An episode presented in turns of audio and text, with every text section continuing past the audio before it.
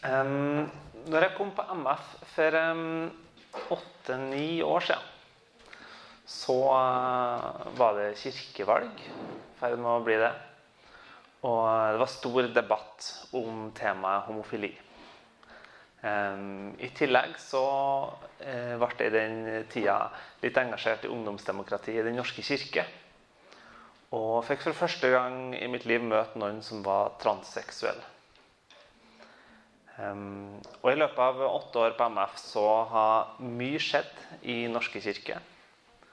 Uh, og uh, mye har skjedd i kirka for øvrig. Og Grunnen til at jeg starter med å snakke om kirke, uh, er litt fordi at det er konteksten oss er her nå. Oss er i ei kirke, og jeg snakker først og fremst til oss som sitter her, som er kirke. Eh, så om du er og ikke er kristen, eller eh, syns det her er litt vanskelig, så kan du enten se på det som et slags sosiologisk eksperiment. Eller du kan tenke at det er en mulighet for å få um, høre hva andre tenker.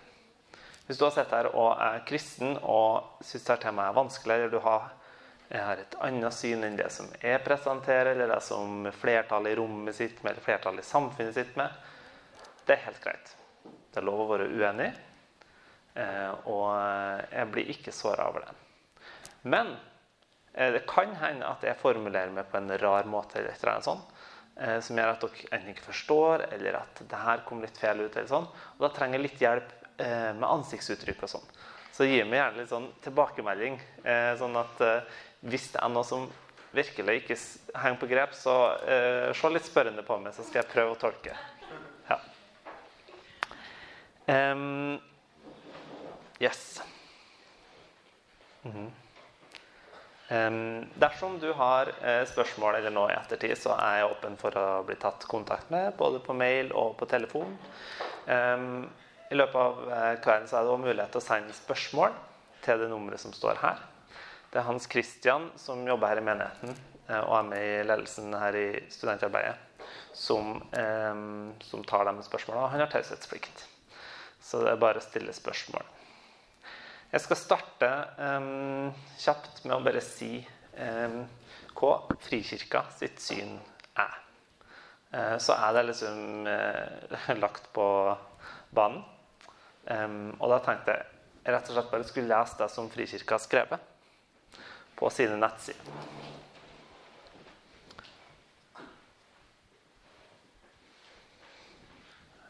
De har ikke skrevet noe om transseksualitet.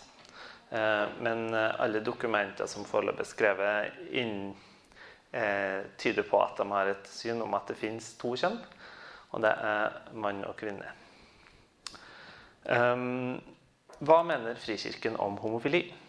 Frikirken lærer at alle mennesker er skapt i Guds bilde og er elsket av Gud. Seksuell legning eller orientering endrer ikke på dette. Vi tror likevel at ekteskapet er en gudgitt skaperordning ment å være mellom en mann og en kvinne. Og vi anser det derfor, derfor homofilt samliv som brudd imot Guds ord. Jeg skal starte med å ta noen sånn avklaringer. Fordi at jeg tenker det er greit, sånn at vi vet hva vi faktisk snakker om her. Det første kommer eh, på det begrepet jeg har brukt. Jeg har brukt eh, begrepet transseksualitet. Transseksualitet, sånn som jeg forstår det her i sammenhengen, er dem som eh, opplever å være et annet kjønn enn det kroppen gir uttrykk for. Enten om det er gitt å være en kvinne i en mannskropp eller en mann i en kvinnekropp, eller en annen form for kjønnsidentitet eh, som ikke er knytta til biologisk kjønn.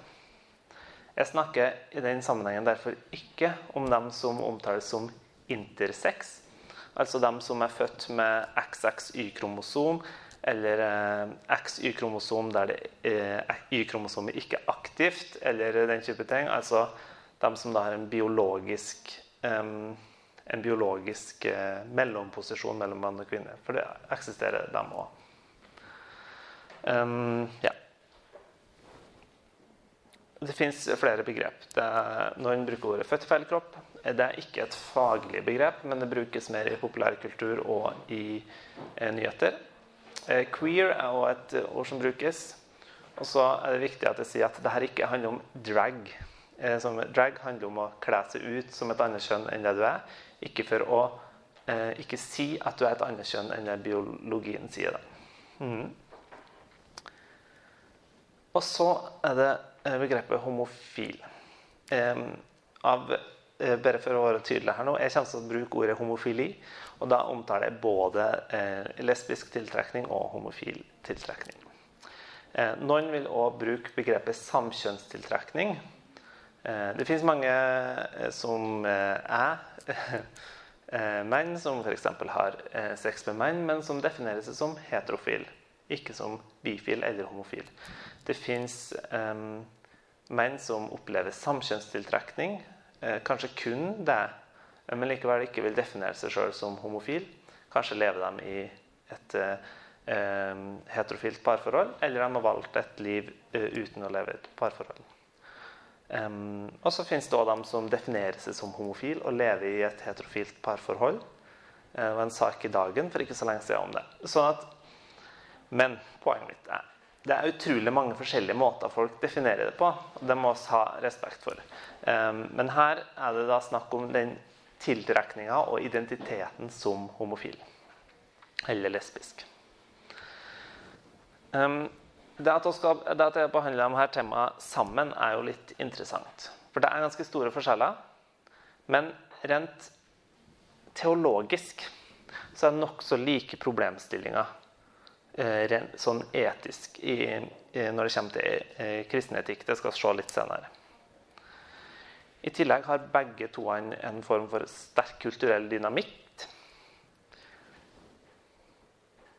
Um, det oppleves for mange som at det er en fullstendig mangel på debatt rundt de her temaene eh, i offentligheten. Um, og det kan hende det er noen som er skadelidende under. begge eh, gruppene mennesker har opplevd og opplever fortsatt eh, mye skam knytta til det her. Og det er spesielt i kristne sammenhenger. Jeg kan si at skammen er størst Forskning fra USA viser at skammen er størst i menigheter som er utydelige på hvor de står. Sånn at både i konservative, tydelige menigheter og i tydelig liberale menigheter så er de, så er de mer komfortable enn i sånn utydelige menigheter. Um, ja. Og så har begge delene med kjønnsforståelse å gjøre. En siste ting er at jeg prøver å bruke begrepet eh, tradisjonell og progressiv om de ulike posisjonene i kirka. Um, men kan en gli ut og si konservativ-liberal. Um, men det er egentlig litt sånn ugreie begrep. Men ja. Yes, Jeg tror jeg starter litt med historie. Um, er det noen som vet hva det er? Bilde av? Kanskje noen som ser hva som står? Det er en pub i USA som heter Stonewall. Den 28. juni 1969 brast politiet inn dørene her. Eh, det var en eh, gaypub, gaybar, Eh, og politiet raste inn her og arresterte veldig mange mennesker. Dette førte til en seks dagers langt opprør, som igjen førte til en markering året etter og begynnelsen på pride-bevegelsen. Og I løpet av da, de her 50 åra så har vi gått fra, eh, i samfunnet fra en total avvisning til en fullstendig omfavnelse av denne bevegelsen sin, eh, sin ideologi og påvirkning. Og så har skjedd et drastisk moralsk skifte. Fra at eh, det var liksom den tradisjonelle kristne etikken som var den moralske riktige, og så var noen outsidere som forholdt seg til det, til at nå er den tradisjonelt kristne um, eh, kristne posisjonen den er blitt omtalt som umoralsk og destruktiv. Eh, og det her påvirker hvordan oss som kirke forstår det. Fordi at det blir litt sånn sjokkerende for oss å plutselig ikke være dem som er moralsk overlegen. De som har på en måte noe å komme med i et eh, hedensk samfunn ellers. Men det som er viktig å Ja. I tillegg så må jeg si at det med så sterkt fokus på kjønn som vi har i dag, det er en relativt ny ting. Um, fra eh, fram til den industrielle revolusjonen så eh, var faktisk forskjellen mellom menn og kvinner mindre. Eh, kvinner og menn jobba sammen på gårdene, hadde omtrent samme oppgaver, gikk i forskjellige um, uh, roller. Um, men, men, likevel så samarbeida de mye mer. Spesielt uh, mannfolka har mer ansvar for de eldre barna, og kvinner har mer ansvar for de yngre barna. De har ulike oppgaver, men de kunne fylle inn for hverandre. Så kommer den industrielle revolusjonen. Mannfolka flytter ut av huset på arbeidsplassene. Og det skaper større kjønnsskiller. Sånn at eh, fokuset også her på kjønn i dag, kommer naturlig nok fra at vi har separert eh, kvinner og menn i større grad. Eh, vi har sett fem steg i forståelsen av seksualitet i løpet av de siste 50 åra. Um, har gått fra en forståelse av at all um, Every sperm is sacred fra The Meaning of Life, hvis noen har sett den, Monty Python. Det første som skjedde var, på 60-tallet, var at sex og forplantning ble skilt. Eh, oss fikk eh, kondomer, oss fikk prevensjon, alt mulig sånn. Eh, ja, som gjorde at eh, du nå plutselig kunne ha sex med noen uten at det var fare for eh, livslang forpliktelse mot, eh, med et nytt menneske som kom til jorda. I tillegg så ble det etter hvert sånn at sex og ekteskap skiltes. Det ble mer og mer anerkjent med samboerskap. Mer og mer anerkjent i løpet av den seksuelle revolusjonen på 60-tallet at det var lov til å ha sex med ulike mennesker. Og så kom også det med sex og kjønn. At eh, sex ikke lenger var forbeholdt kun kvinner og menn. Og så kom det som var litt nytt. Eller eh, ikke så ofte i historien for øvrig at sex og følelser ble skilt. Sex var ikke lenger eh, nødvendigvis knytta til et forhold eller et eh, ekteskap eller forelskelse generelt. Men det har blitt mer og mer vanlig å bare ha sex. Mer og mer vanlig med på en måte sexfester eller den type ting. Alt dette her, alle de fire tingene her har vært til stede i historien gjennom alle tider. Ehm, det siste steget som har skjedd de siste 20 åra, eh, og som jeg ikke skal stå fokus på her nå, ehm, men som jeg likevel tenker er nyttig å nevne, er det at sex og mennesker har blitt skilt fra hverandre. I økende grad, spesielt f.eks. i Japan, der det bildet her er fra, så skjer det at mennesker bytter ut eh, forhold med andre mennesker til fordel for, til fordel for eh, maskiner, sexdokker eller eh, virtuelle kjærester. En, et interessant uh, fenomen. Det er mange sier at kvinner de er så komplisert. Det er så mye å forholde seg til. De kan baksnakke med bak min rygg. Det er så mye greier med en virtuell kjæreste som er akkurat sånn som jeg vil ha henne. Um. Og jeg tenker det er en del av helheten. Og så gått mer uh, og mer fra en forståelse av at sex det handler om noe som samfunnet og liksom eh, omfatter familieliv, strukturene, en sånn eh, kollektiv forståelse av sex, til en mer sånn individuell forståelse av sex, der jeg har lyst til og eh, da gjør jeg det. Og så er det viktig å tenke at dette her har egentlig ikke vært en kamp om psykologi. Det har ikke vært en kamp om teologi. Det har ikke vært en kamp om, eh, om Jeg vet ikke helt hva jeg skal si nå. Eh, men det har vært en kulturkrig. Spesielt i USA så har en sett at eh, to sider, the liberals and the conservatives, har kjempa om en virkelighetsforståelse i det eh, snakket om sex og hvordan det har fungert ja, sex og kjønn. Um, en del av utfordringen med det at fokuset har vært på kultur og strukturer og eh, rettigheter og den type ting, og så glemt menneskene.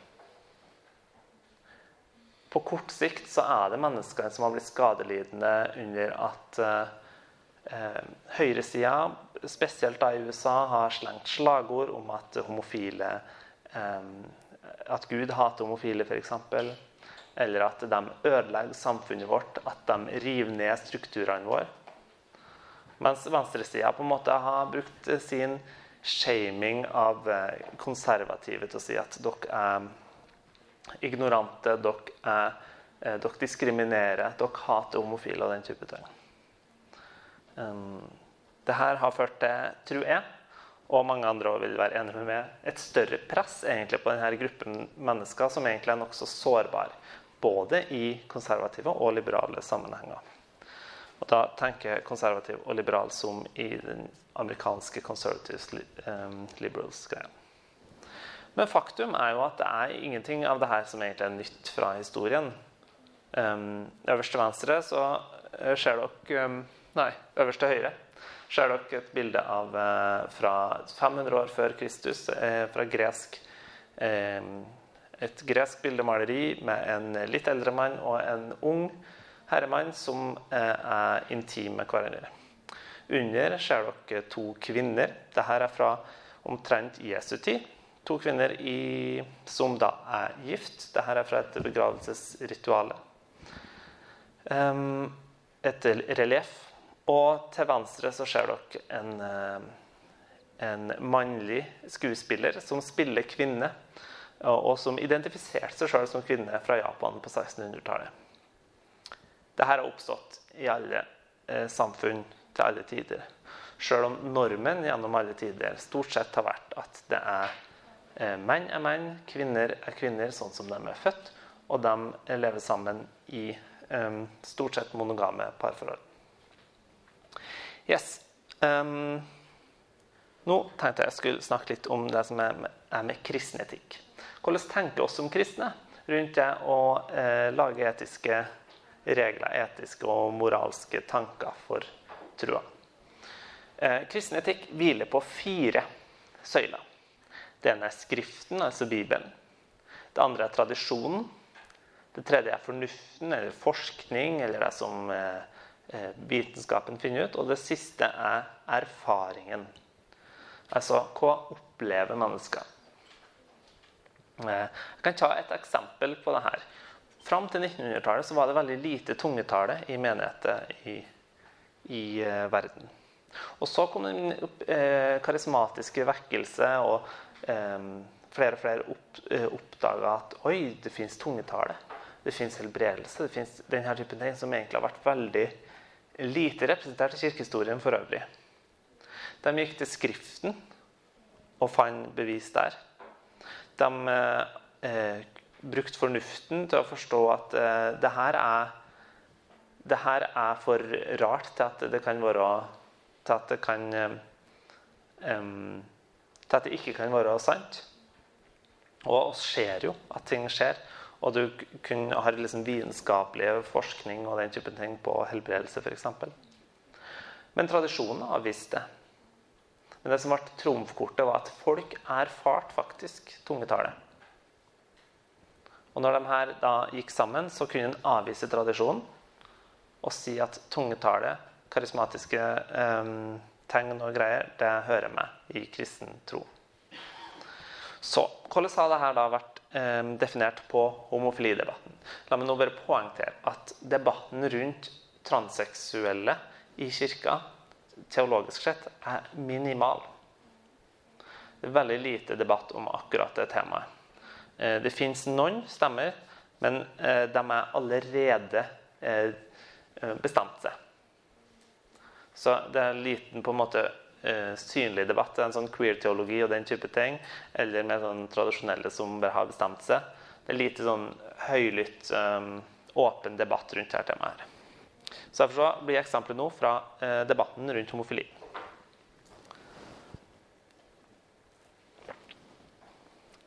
Den tradisjonelle posisjonen vil først og fremst argumentere med at Bibelen er entydig i disse spørsmålene. her.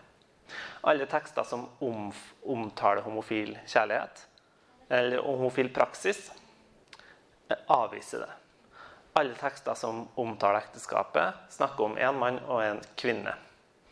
Um, rettelse alle tekster som normativt omtaler ekteskapet, omtaler som én mann og en kvinne. Og de vil si at uh, både Gammeltestamentet, Jesus og Paulus bekrefter en binær kjønn- og ekteskapsforståelse. Og så vil de si når det kommer til erfaring, så vil de argumentere med at det finnes ulike erfaringer. Det er ikke alle som har opplevd homofil kjærlighet som noe godt. Det er ikke alle som opplever det riktig og godt å forfølge sin seksualitet eller avvikende kjønnsidentitet. I tillegg så vil de si at alle mennesker er kalt til å si nei til noen av våre egne indre tanker, og at oss er på en måte um, også er påvirka av syndefallet, som også gjør at vi har påvirka selvforståelse um, og ja, følelser. De vil argumentere med at kirkehistorien er entydig. Det fins ingen eksempler på at eh, homofil praksis eller um, transseksualitet har vært godtatt i kirkehistorien i 2000 år. Og så vil mange argumentere med at forskninga i dag er så ideologisk drevet at det nesten er umulig å få oversikt i landskapet. Du har på en måte forskning som sier at homofili er godt. Og du har eh, for mennesker, eller det å leve ut sin homofile legning, og så har du eh, og, eh, trans, og det å bytte kjønn, f.eks. Og du har forskningen som sier det motsatte. Det progressive synet vil dermed argumentere litt annerledes. første jeg vil nevne, er at Bibelens forfattere ikke vet det oss vet i dag. Eh, mange vil argumentere med at Paulus ikke visste om eh, forpliktende homofilt samliv. Um, og at gammeltestamentlige forfatterne kun visste om tempelprostituerte menn. Og at det var det eneste forholdet de har til denne formen for seksuell aktivitet. Og så vil de si at tekstene i Bibelen er utydelige. At noen ganger ord den ordbruken som er i Bibelen, den er eh, mynta på en annen tid, etter en annen forståelse enn det vi har i dag. Og så vil de si at et tradisjonelt syn bryter med kjernen i Bibelens budskap om å reise folk opp, om eh, autonomi, om, å, eh, om at nestekjærlighet er det viktigste budet.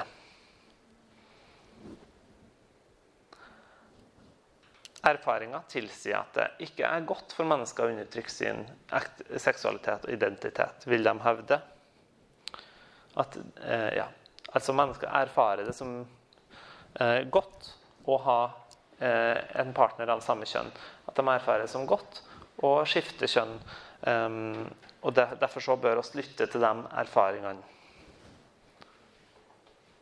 Og så mener de kirkehistorien er upålitelig pga. overtramp.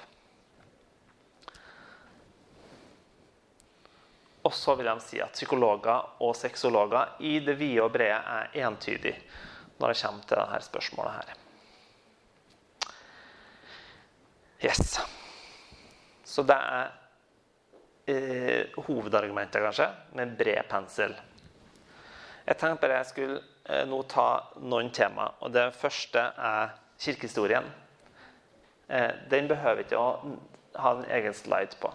Kirkehistorien har aldri eh, anerkjent eh, homofil praksis. Har aldri anerkjent transseksuell eh, eh og byttekjønn og den type ting. Eh, men eh, det progressive synet er da at kirkehistorien ikke er en pålitelig kilde pga. maktubalanse og den type ting. Mm. Når det kommer til fornuften, så tenkte jeg at ja, jeg må si, Det er sterk mangel på forskning som ikke er drevet av en bestemt ideologi. Det har de konservative eh, riktig. Jeg prøvde å lete opp forskning knytta til transseksualitet for et år siden, og det var klin umulig å eh, ikke finne noen som var sterkt knytta til et eller annet bestemt forskermiljø eller en bestemt kirkesammenheng. Eh, utrolig krevende. Um, så det er sagt. Eh, og eh, alle dere som eh, har studert og kommet litt opp i masternivå og den type ting, har skjønt at forskning det kan være mye. Um, yes. Men American eh, Psychological eh, Association sier det her om homofili. Bare så eh, sagt eh, det. Dette blir ikke noe stort tema i dag, men There is no consensus among scientists about the exact, reason, exact reasons that an individual develops a heterosexual, bisexual, or or lesbian orientation. Although much, much research has examined the possible genetic, hormonal, developmental, uh, social, and cultural influences on sexual orientation, no findings have emerged that permit scientists to conclude that sexual orientation is determined by any particular factor or factors. Yes. Og det samme sier de egentlig om eh, transseksualisme. There is no single explanation for why some people are transgender. The diversity of transgender expression and experiences argues against any simple or unitary explanation. Yes.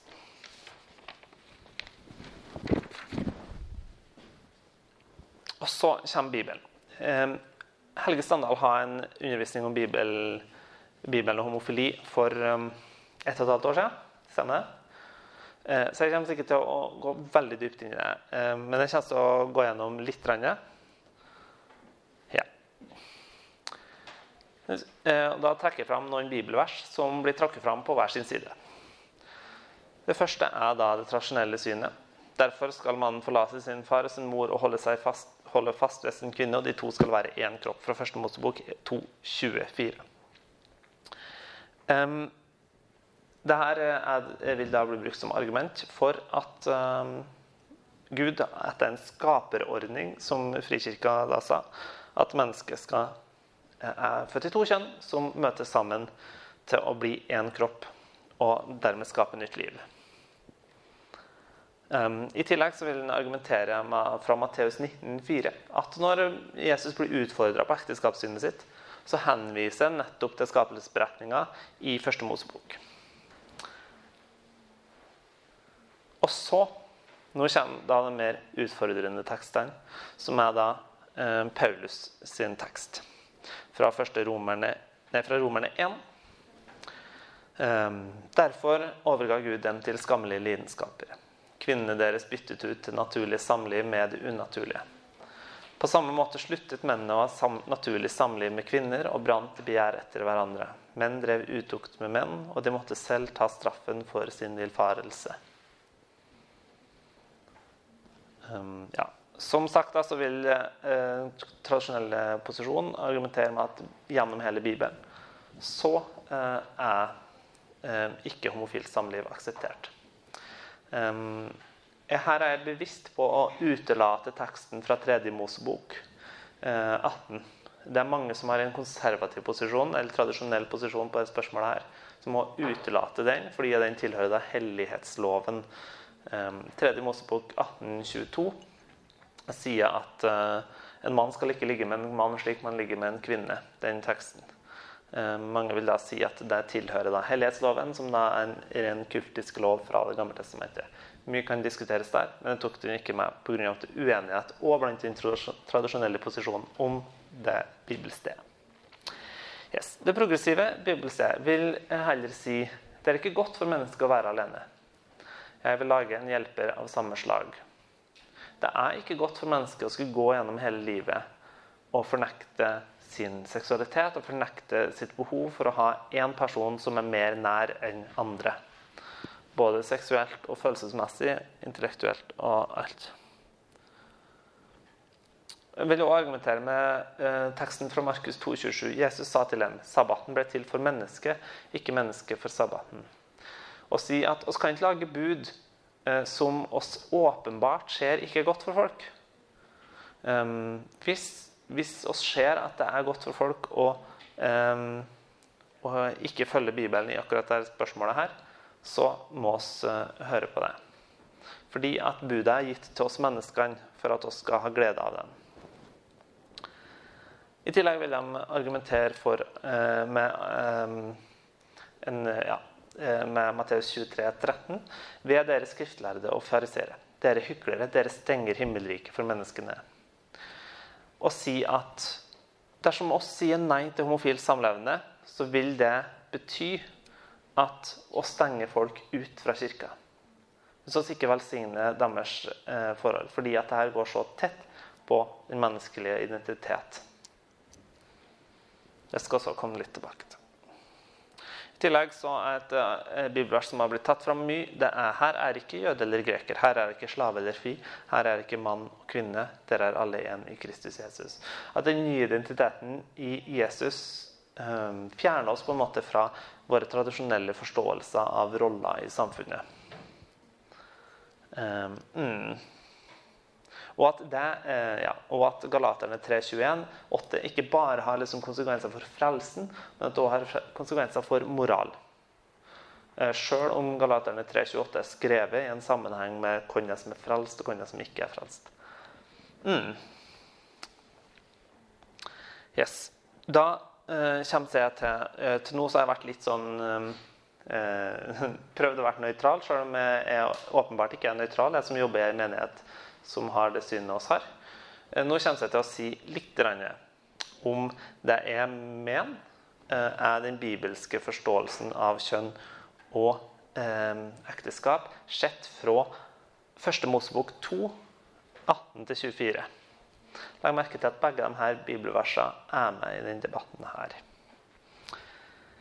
Yes, Og så ser jeg at det kan dere må belage dere på litt ekstra tid i dag, men nå skal jeg ta en liten pause. Mm. Yes. Da sa Herren Gud, det er ikke godt for mennesket å være alene.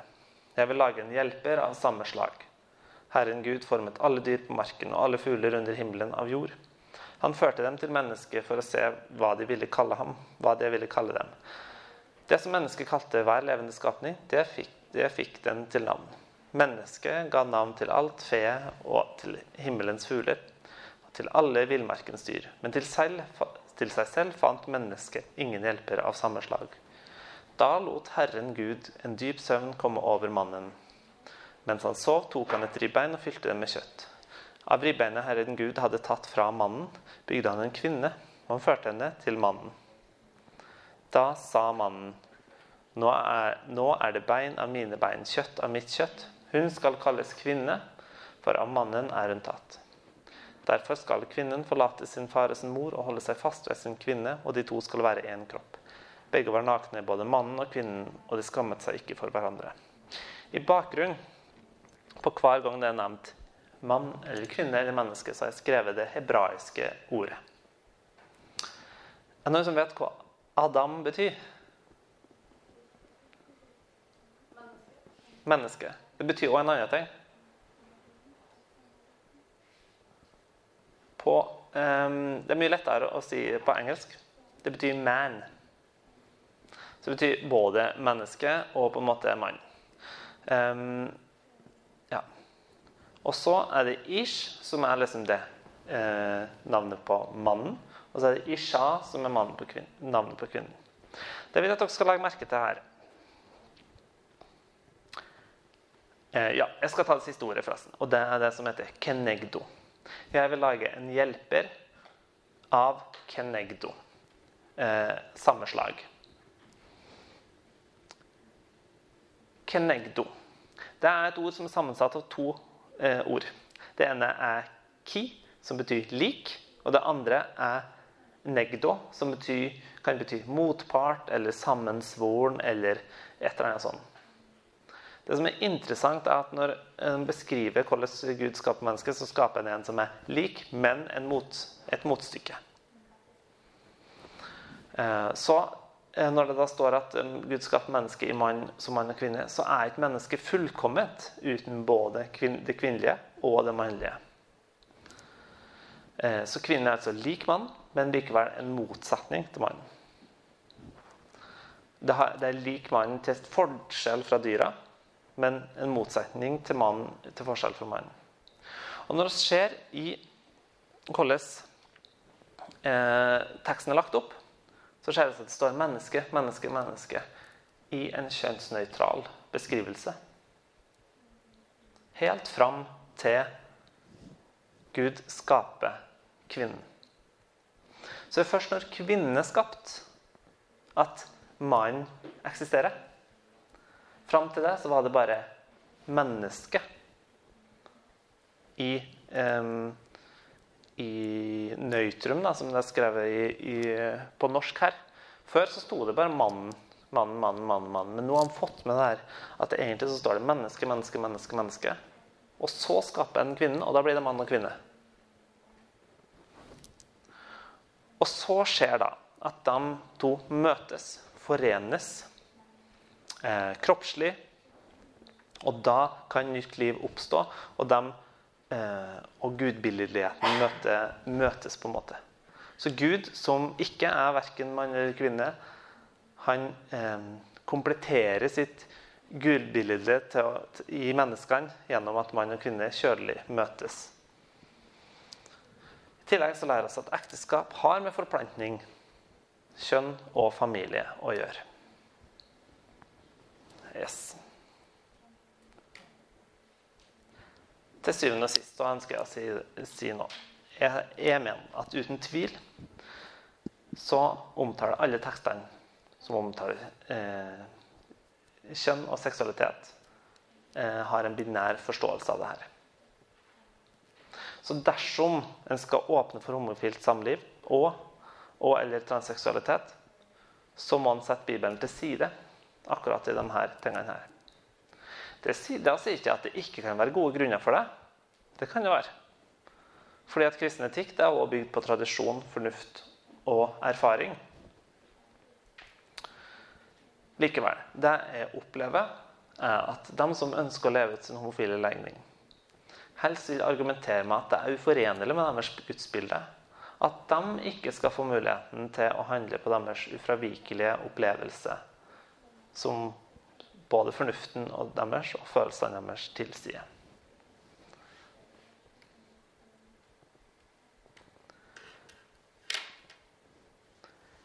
Yes. Um, jeg sier dere skal få uh, et par minutter på å gå og hente kaffe. Um, eventuelt skravle litt rundt bordet hvis det var noe dere ikke forsto. Um, ja. Og så skal jeg og så skal jeg lese, lese, litt spørsmål som jeg har fått imens. Yes, jeg gir dere et par minutter. Se for deg at du vokser opp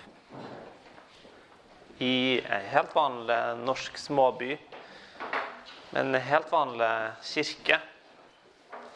Du har dine venner.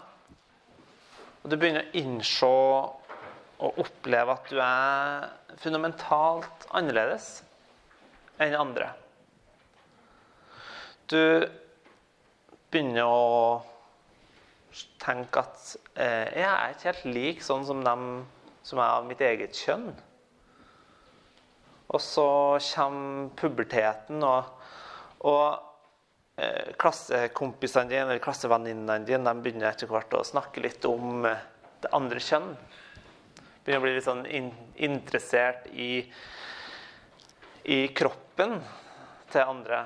De begynner å snakke om den med eh, tydelig glede og opplevelse. Og du tenker kanskje at eh, ja, det burde vel ha tenkt, men det gjør ikke jeg. Eh, det kommer nok snart når jeg blir eldre og jeg kommer i puberteten. Og eh, jeg kan liksom begynne å kjenne på at ja, jeg tenner faktisk på noen av det motsatte kjønn. Og så går det litt tid, og så skjer ikke det. Og du begynner å lure på hva er, hva er det som er galt her? Hva er det som har skjedd? Det har blitt fryktelig vanskelig å være med eh, dem av samme kjønn. Du føler nesten det er lettere å identifisere seg med det motsatte kjønn. Og så begynner du å be. Og du ber hver kveld om at Gud bare skal gjøre det normal. Du ber hver kveld om at du skal få slippe det her. Og du tenker at det skjer jo. Kanskje går du til forbønn på en kristen ungdomsfestival. Men så begynner videregående å komme. og du på en måte innser litt at det her går jo ikke bort. Kanskje er jeg homofil. Kanskje er jeg lesbisk. Og du føler det mer og mer distansert fra de andre i den kristne ungdomsgruppa. Du føler at det er ingen som er sånn som det.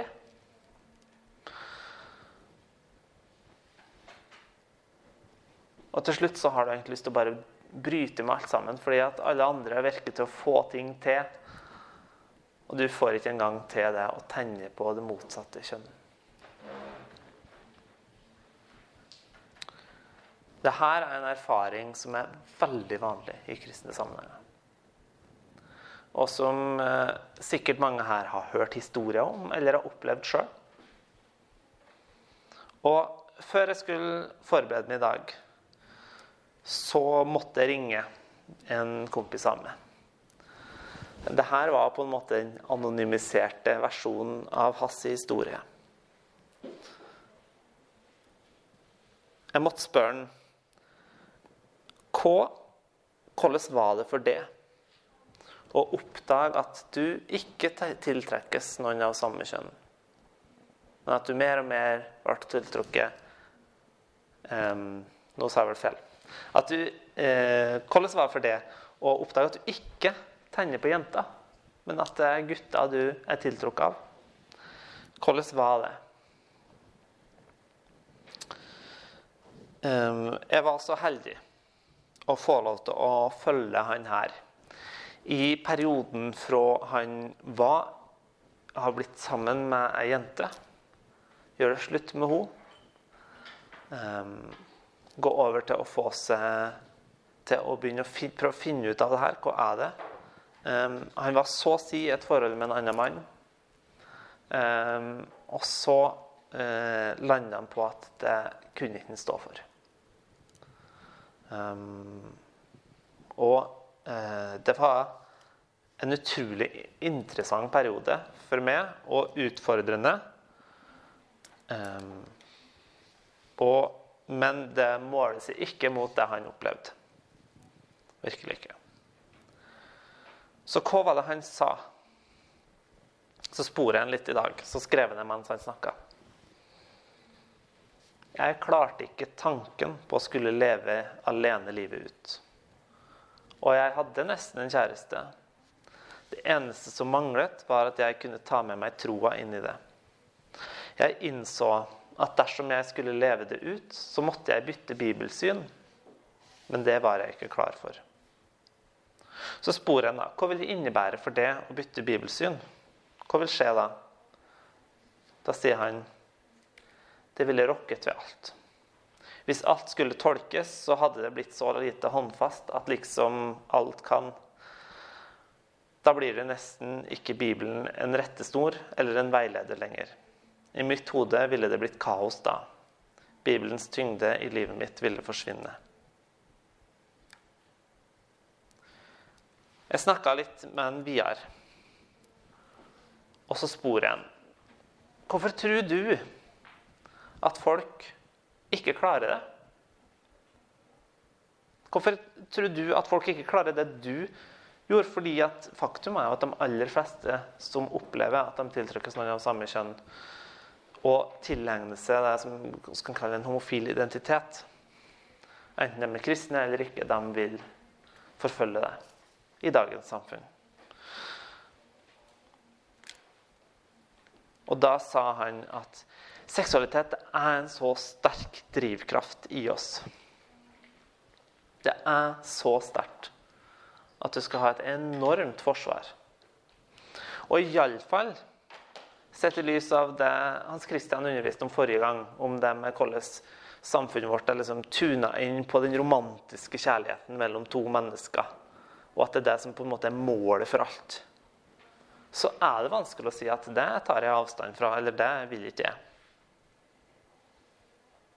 Så sa han òg at det homofile miljøet Det innebar for han enormt mye kjærlighet, enormt mye omsorg og felles erfaringer. Fordi Det var så mange som var såra. Som har hatt vanskelig barndom, vanskelig med å komme ut av skapet, vanskelig forhold til sitt eget kjønn, vanskelig forhold til sin egen far eller mor eller søsken eller alt det. At det var så godt å være der fordi folk forsto. Så ga noen andre karakteristikker av det homofile miljøet som jeg ikke ønsker å ta med. Det syns ikke er relevant, men han var òg kritisk. I tillegg så har hele debatten vært enormt prega av skam. Fordi at eh, egentlig så er det så mange av de her menneskene som ønsker å bli anerkjent. Og det sa han en kompisen min i dag òg, at uh, han ser, han mener Så sa han at uh, de homofile jeg har snakka med, de aller fleste av dem mener ikke at de er født sånn kan nok det diskuteres litt. Men um, at, at um, mange har veldig sterke traumer. Han for, sin egen del har en opplevelse av at uh, alle kompisene vendte ryggen til ham på et tidspunkt. Og han har opplevd en sterkt, sterkt, sterkt ønske om å bare bli anerkjent av kompisene sine. Og jeg tror at det er viktig at vi forstår det er utrolig mange, både homofile og transseksuelle, som ikke har opplevd å bli anerkjent for den de er. Og når den behovet for anerkjennelse flyttes over i den mer moralske debatten, så kan du også skjønne drivkraften i det. At drivkraften ikke bare er at oss skal ha samme rettigheter som heterofile. Eller eh, ja. Men oss skal òg bli anerkjent på samme måte som heterofile. Og han eh, sier at eh, det å gå så lenge med en egen identitet, en ting som ingen andre forstår, det gjør at tiltrekninga eller kjønnsforståelsen det blir en del av identiteten. For identiteten det er jo egentlig nåtidens store prosjekt. Um, ja. Og det har det jo på en måte vært òg, helt siden skapelsen. Etter syndefallet så um, er plutselig Adam og Eva de eh, oppdaga at de er naken. Og så springer de rundt og gjemmer seg, for nå kommer Gud og vandrer i ørken. Nei, i, i, i hagen. Og så eh, sier Gud eh, til Adam, 'Hvor er du?' Så sier han, 'Jeg er her. Jeg gjemte meg fordi jeg var naken.' Og så sier Gud, 'Kan ha sagt at du er naken?' Er ikke du sjøl nå som begynner å definere hvem du er? Og Kanskje er det en del av liksom hele syndefallet sin store utfordring at oss har prøvd oss mennesker hele tida prøver å ta tilbake definisjonsmakten over hvem vi er, over hvem andre er, og eh, over hvem Gud er. Kanskje er det det som skjer når Adam og Eva tar av den frukten. Men den kristne rammen av det her er heldigvis Jeg er glad jeg har den. Fordi da har vi iallfall en forståelse av at den identiteten vi har, den forståelsen av oss sjøl, den forståelsen vi har av andre, den er egentlig litt ødelagt. Det er egentlig noe feil der. Det er noe vi ikke helt har skjønt. For Gud han beskrives i Bibelen som en som gir navn. Han er den som sier til eh, Jakob at du skal ikke lenger hete Jakob, du skal hete Israel. Israel er den som kjemper med Gud. Eller som sier du skal ikke lenger hete Sara, du skal, eh, Sarai, du skal hete Sara, som betyr fyrstinne. For Gud, når Gud definerer oss, når Gud får bestemme hvem vi er, da kan vi slippe kravet om å prøve å være noe annet, prøve å være noe. Fordi at Når det er oss som hele tida skal prøve å definere, kan si, så blir sjølfølelsen og identiteten nesten det samme. Det jeg føler jeg, det er jeg.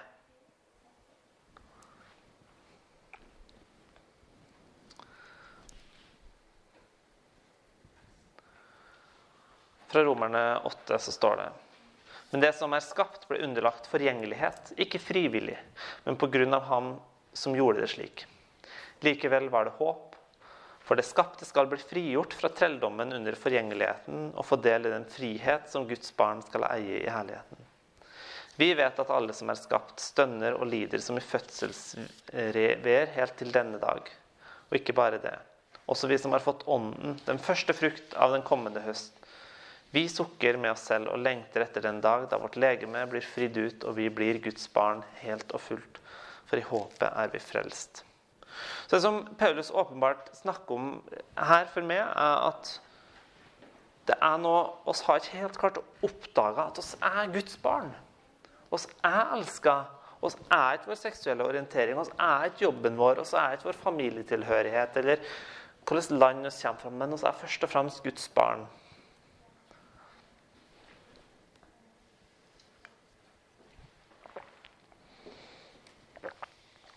Og det er en frihet i det. Det er en frihet som kan frigjøre oss fra skammen. Skammen som forteller oss at du er feil. Skylden forteller oss at du har gjort feil. Skammen forteller oss at du er feil.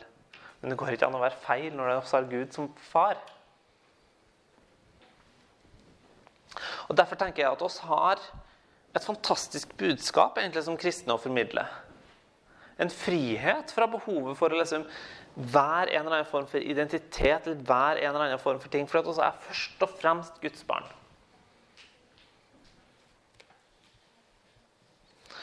Men så har vi samtidig en felles erfaring, noen felles erfaringer.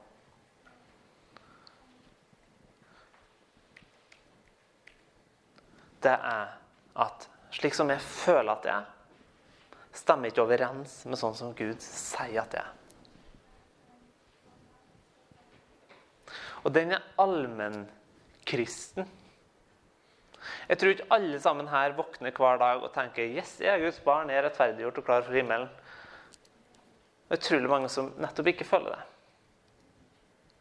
Sjøl om Gud sier at det er det. På samme måte er det med dem som opplever at 'jeg er ikke nok mann', eller 'jeg er ikke nok kvinne', eller 'jeg tenner ikke nok på deg og det'. Jeg føler det, sjøl om Gud egentlig sier at ja, men du er det, fordi jeg har skapt det.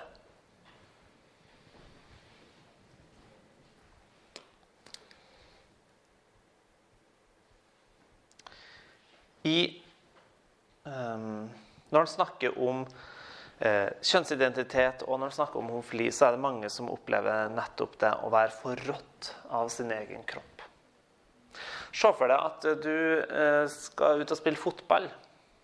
Og så er det sånn at hver gang du beveger foten, så gjør hånda akkurat den bevegelsen som foten skulle gjøre.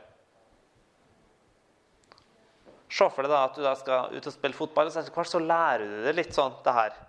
At liksom, jeg må tenke at det, er hånda som, er hånda som skal bevege seg for at jeg skal sparke fotballen.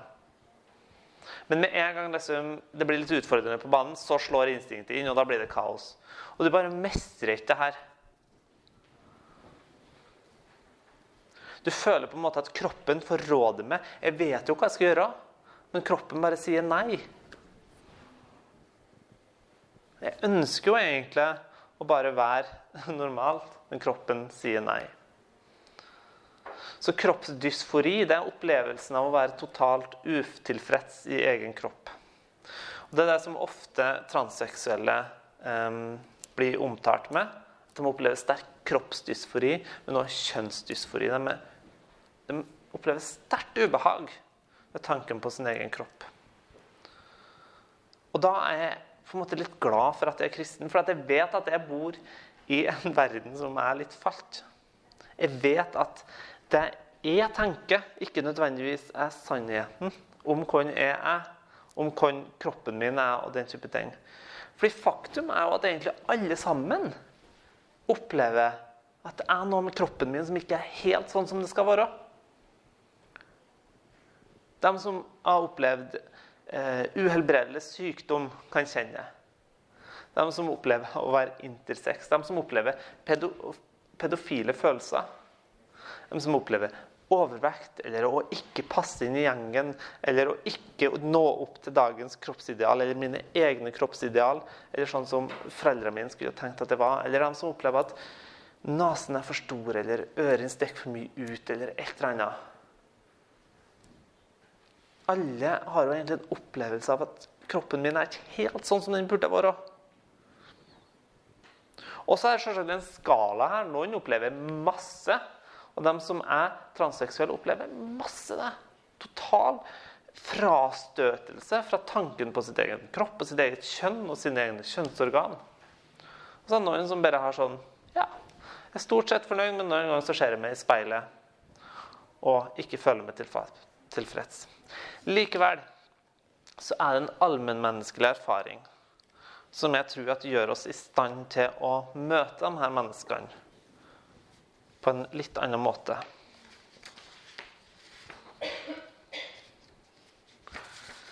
Jeg skal si de siste tingene som jeg tenker oss, som er liksom likhetstrekk mellom oss og de andre. Det første er at forskere og eh, på både fra alle sider, både fri og både til helhet, og alle vil si det her. Tiltrekning er ikke lenger homofil, heterofil. Også, liksom, også og bifil. Og du havner i en av de boksene. Det er ikke sånn det fungerer. Alle er enige om at det her flyter. Noen vil si at det flyter masse, noen vil si at det flyter lite. Men mange vil si at det er en skala fra liksom kun tiltrukket noen av samme kjønn, til kun tiltrukket noen av motsatt kjønn. Og at oss alle på sett og vis er på et eller annet punkt på skalaen her. Derfor så er det mange eh, grupper med menn som har sex med menn, som lever i heterofile parforhold, og som eh, mener sjøl at de er heterofile, men som likevel ja, kan ha litt sex med andre menn. Det har vært vanlig helt fra eh, romersk tid. Eller gresk, gresk tid, mener jeg. Sånn at eh, oss må ikke tenke at eh, jeg, er, liksom, jeg er heterofil, og dem er homofile, og jeg har ikke noe med dem å gjøre. Du er faktisk på samme skala. En eller annen plass. Og så skal jeg si noe som skiller oss mennesker fra dyra, som er felles for oss alle. Og det er at vi har en hjerne som er litt forskjellig bygd opp fra dyra. Som gjør at oss har evnen til å bevisst si nei til våre egne impulser. Og at vi har evnen til å bevisst si nei til våre egne impulser. Ikke må bytte ut med en annen impuls, men må faktisk eh, ta en liten runde i prefrontal cortex, er det det heter? Ja, det nikkes. Um, fordi at en felles erfaring oss alle mennesker har, at vi må si nei. Vi må si nei til våre seksuelle instinkter. Vi må si nei til våre, eh, våre, instinkter når det kommer til mat. Du kan ikke bare spise Snickers og, spi og drikke cola hele dagen lang. Selv om det kanskje er noe du har fryktelig lyst til. Iallfall er det. Det er sånn nå som er en del av hver, og hver menneske. Og så må oss ikke tro at eh, jeg er heterofil, derfor så har jeg en sunn og helt gudgitt seksualitet som jeg ikke har noe problem med. Hvis du tenker det, da får du problem. Det er hovmod. Og da, Hvis du tenker at din seksualitet bare er helt ren og helt uten problem, så kan det hende at du får et problem den dagen du har vært gift i 20 år og oppdager at eh, kona di ikke var så interessant som hun på jobb. Fordi oss har alle her er en del av en fallen verden som har en skada seksualitet. Og det viser bare hvordan porno har blitt en epidemi i kristne sammenhenger. Hvordan ekstremt mange kristne gutter sliter med porno. Og ekstremt mange kristne jenter sliter med porno. Det viser at oss, oss klarer ikke helt denne utfordringa å få kontroll på sex, sexfølelsene våre. Det blir liksom litt rot. Det blir liksom et område der oss er svake, der Gud må få slippe til. Der Gud må få slippe til med sine grenser, med sin ånd, med sin styrke og med sin legedom. Det gjelder oss alle, uavhengig av om vi tenner på eh, noen om kvinner, om vi tenner på menn, om vi tenner på døde dyr, og må tegne, på tegneseriefigurer, Vi må tegne, tegne på barn. Og så må alle har en skada seksualitet.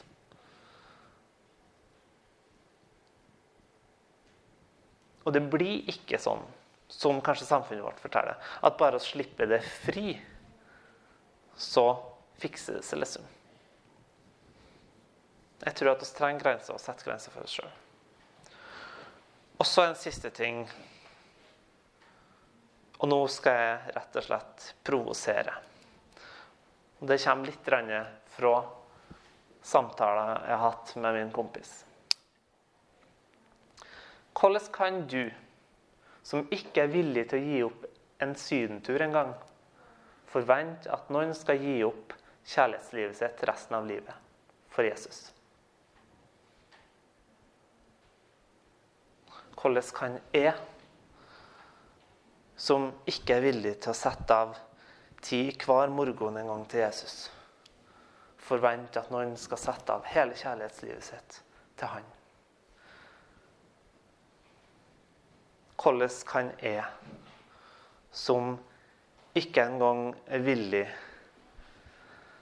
til å um, til å be for mine neste og være en god venn,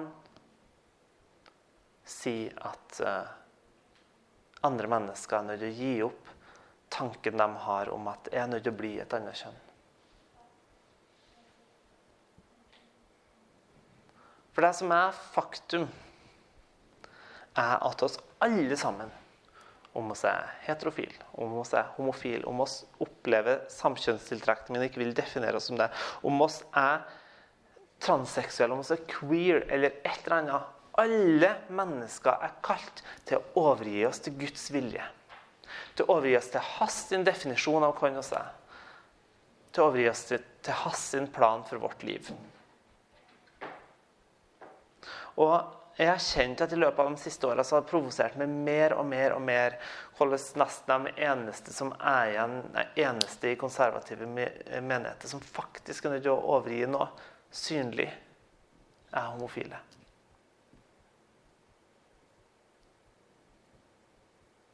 Og han kan skjønne, virkelig skjønne, at det da er vanskelig å si at ja, jeg tror bare jeg skal gi opp kjærlighetslivet mitt jeg, for resten av livet.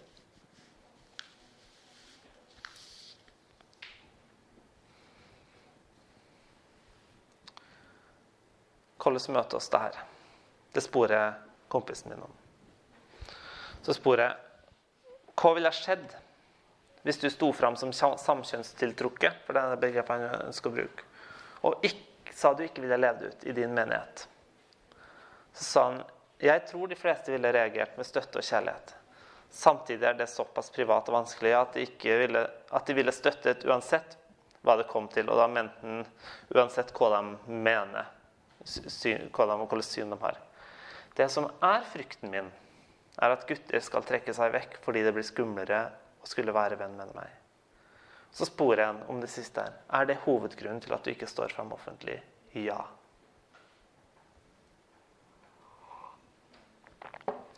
I fjor høst så forska jeg på kjønn. Jeg har skrevet master i, eh, i hvorfor menn ikke går så mye i kirken som kvinner. Og det med fokus på kjønnsforskning da, fra Norge.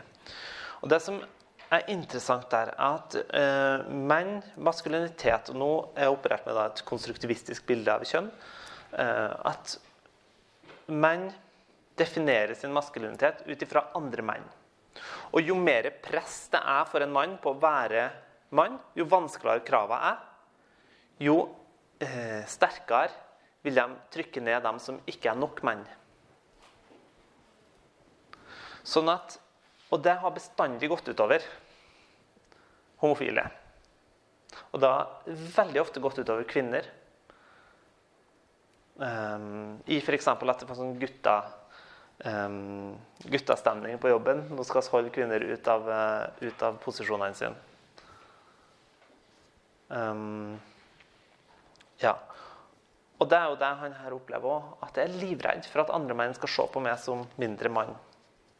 Det her er gjerne ikke så sterkt til kvinner, fordi at deres eh, eh, samfunnsmessige kjønnsforståelse er større, i større grad knytta til, eh, til, det å bli mor. Mens menn har, en, har andre parameter ofte, som ikke er så knytta til reproduksjon. Sånn at jeg tror at en av måtene oss som kirke er nødt til å møte det på, er det første er åpne kjønnsroller. At det ikke bare er kvinnene på kjøkkenet og mannfolka som bærer stoler. Men at vi er bevisst på hvilke posisjoner oss gir til andre. Og spesielt til menn utfordrer jeg på å møte de her menneskene som du naturlig vil frastøtes hvis du er usikker på din egen maskulinitet. Så vil du naturlig frastøtes de menneskene som ikke er nok mann.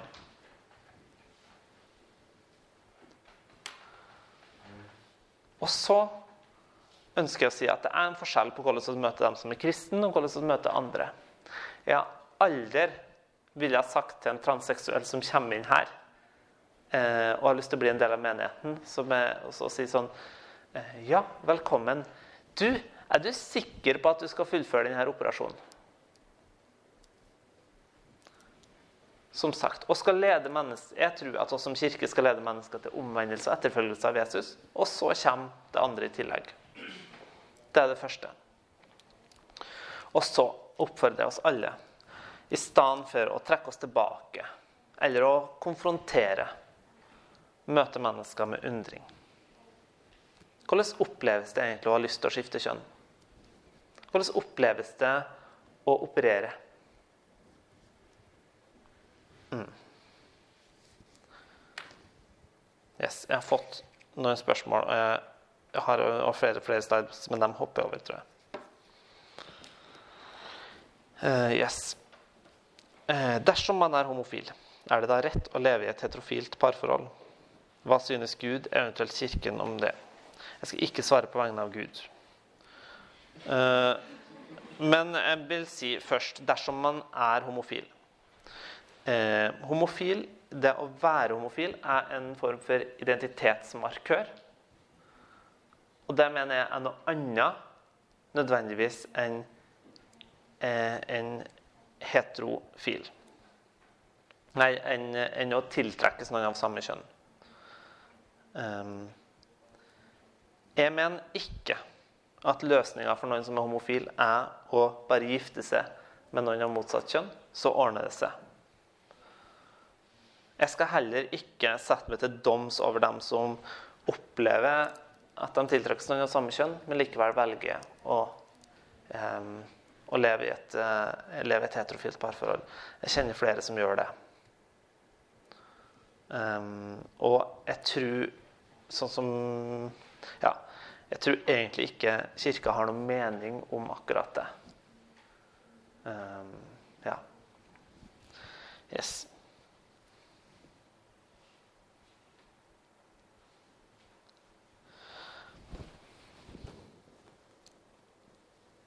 Ja. Mm. Dersom premisset er at å leve i et homofilt samliv er godt, tror du Gud eh, likevel Gud vil at vi skal holde oss borte fra det? Eller betyr et nei automatisk at det ikke er godt. Ehm, jeg tror at det er godt for mennesker uansett å følge Guds vilje. Eh, jeg tror likevel at oss ofte kan operere med andre forståelser av hva som er godt, enn det Gud opererer med. Um, og eh, mens i dag så har jeg en utrolig sånn forståelse av at eh, etikk baseres på hva er um, hva jeg ser er riktig, hvilke konsekvenser, altså konsekvensetisk tankegang.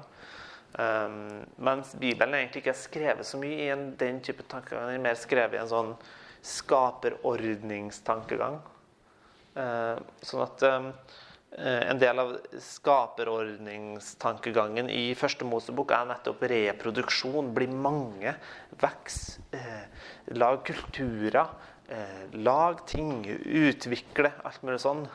Um, og, og, dermed så uh, Som er en litt annen uh, at Hvis vi måler det opp at det som er godt, er å utvikles som menneskehet, så er det kanskje en annen forståelse av godt enn det som er hvis å snakke om hva som skaper gode følelser.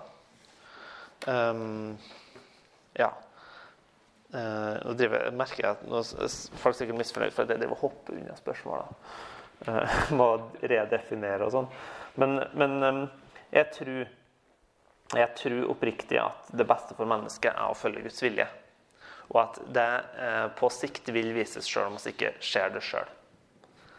Um, men jeg vil òg påstå at spesielt um, det at vi har en 100% økning i antall som søker seg til trans, kjønnskorrigerende eller kjønnsbekreftende behandling hvert år, og at vi opererer så mange mennesker uten å vite konsekvensene, er utfordrende.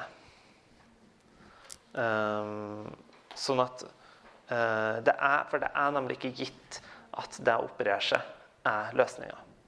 En studie fra Sverige viste faktisk det motsatte, at det var høyere suicidalitet blant dem som opererte seg, enn dem som ikke gjorde det. Um, og Det kan være flere forståelser av det, men det ene kan være at når du kaster Setter alt ditt håp på én ting i verden, og så er det ikke det som løser tingen. Så du har satsa alt, og så ble det ikke alt så bra som du trodde. Så det er ikke noe rart at det kommer en del tanker. Um, hmm. Spørsmål. Hvordan kan man kombinere et bibelsyn med tradisjonelt syn på homofili med følgende 1. Åpne for kvinnelige presteledere. 2. Åpne for gjengifte av skilte personer. Ja. Mm. Hvor mange timer har dere? Jeg skal, jeg skal ta noen argumenter. Det, det ene er entydigheten i det bibelske materialet, sånn som jeg ser det.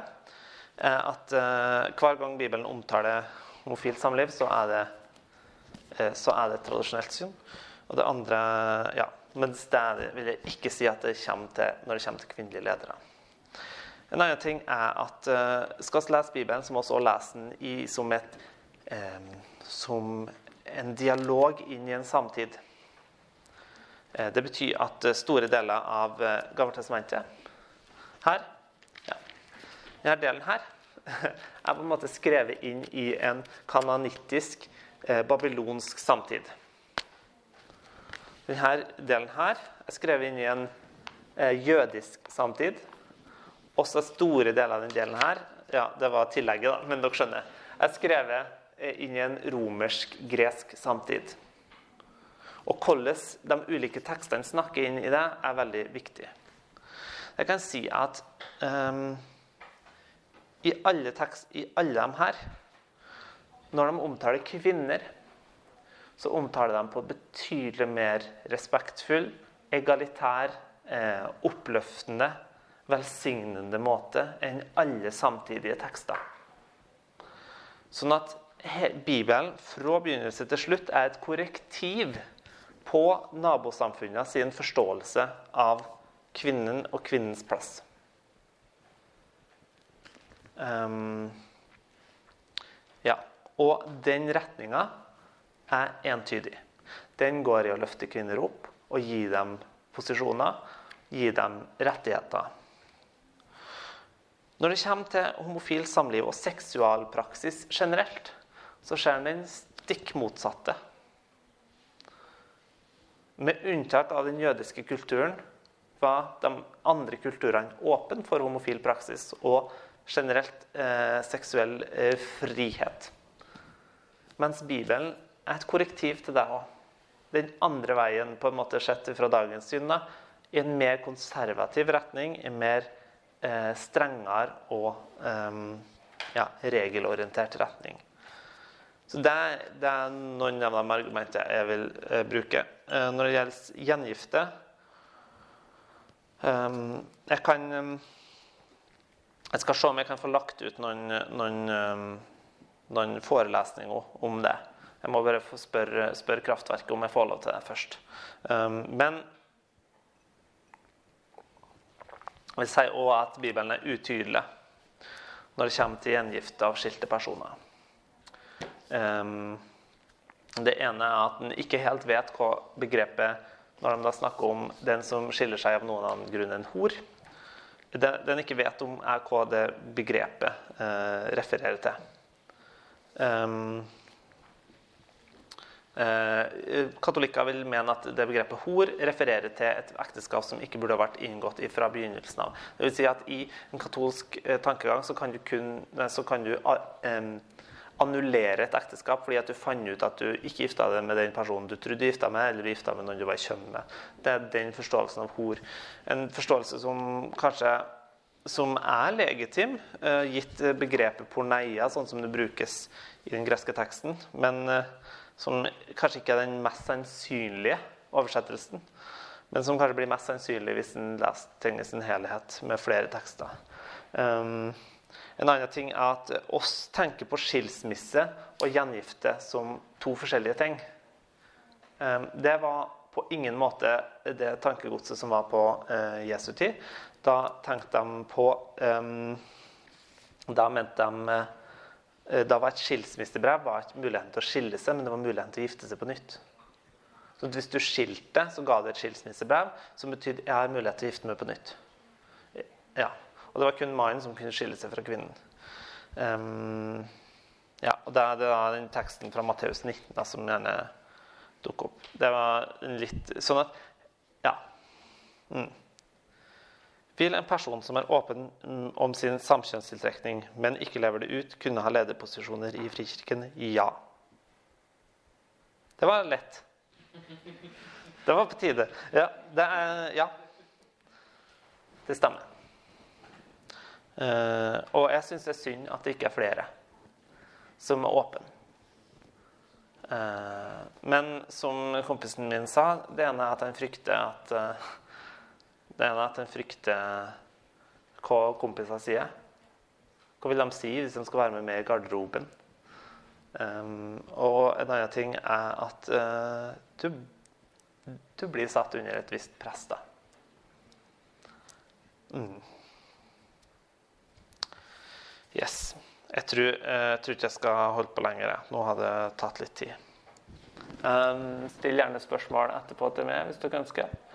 Hvis dere har venner eller dere sjøl opplever eller et eller annet som gjør at dette er et litt vanskeligere tema for dere, ikke nøl med å ta kontakt med meg eller Eldsterådet her eller eh, Hans Christian eller noen i, i, i ledelsen her i menigheten eller i, en annen menighet. Ja. Det kan være godt å sette ord på noen ting. Um, mm. Yes. Um, neste uke så skal vi virkelig få fortellingene fram. Da kommer det to mennesker eh, som heter Hun ene heter Karen Gråten, og den andre heter Eivind Rindalen. Begge opplever samkjønnstiltrekning. De har valgt hver sin måte å møte det på. Han har valgt å leve det ut. Hun har valgt å ikke gjøre det. Um, eller valgt først å leve det ut, og så uh, bestemte seg for å ikke gjøre det likevel. Um, neste uke så uh, blir det ikke mulighet til å stille spørsmål. Uh, Iallfall ikke uh, høyt. Vi får snakke litt mer om det andre. Men det er en mulighet for å komme og høre. Um, høre på hva de har å si om den erfaringa. Um, og jeg syns det blir veldig spennende. Jeg håper dere vil komme og ta med dere venner. Det er ikke et sted der oss kommer til å tre et bestemt syn nedover hodet på noen. Mm, nå har jeg holdt på mer enn lenge nok, så da tror jeg jeg sier takk for meg. Mm.